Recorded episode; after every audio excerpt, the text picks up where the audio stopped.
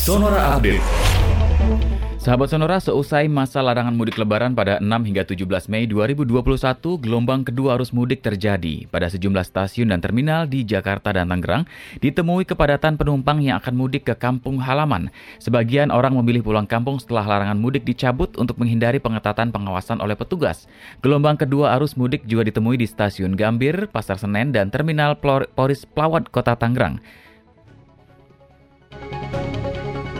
Bali bebas dari zona merah corona, namun warga Bali harus meningkatkan penerapan protokol kesehatan untuk mencegah penularan COVID-19 karena wilayah tersebut masih berisiko sedang penularan virus corona.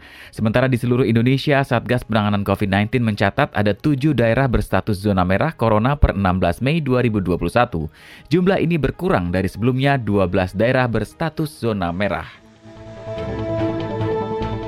Jajak pendapat yang dilakukan oleh sejumlah media arus utama Jepang menunjukkan bahwa mayoritas penduduk Jepang menginginkan Olimpiade 2021 dibatalkan atau setidaknya ditunda.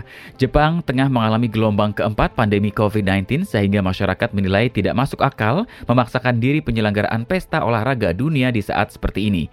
Jajak pendapat surat kabar Asahi Shimbun terungkap 43% responden menginginkan pembatalan Olimpiade dan 40% menginginkan ditunda.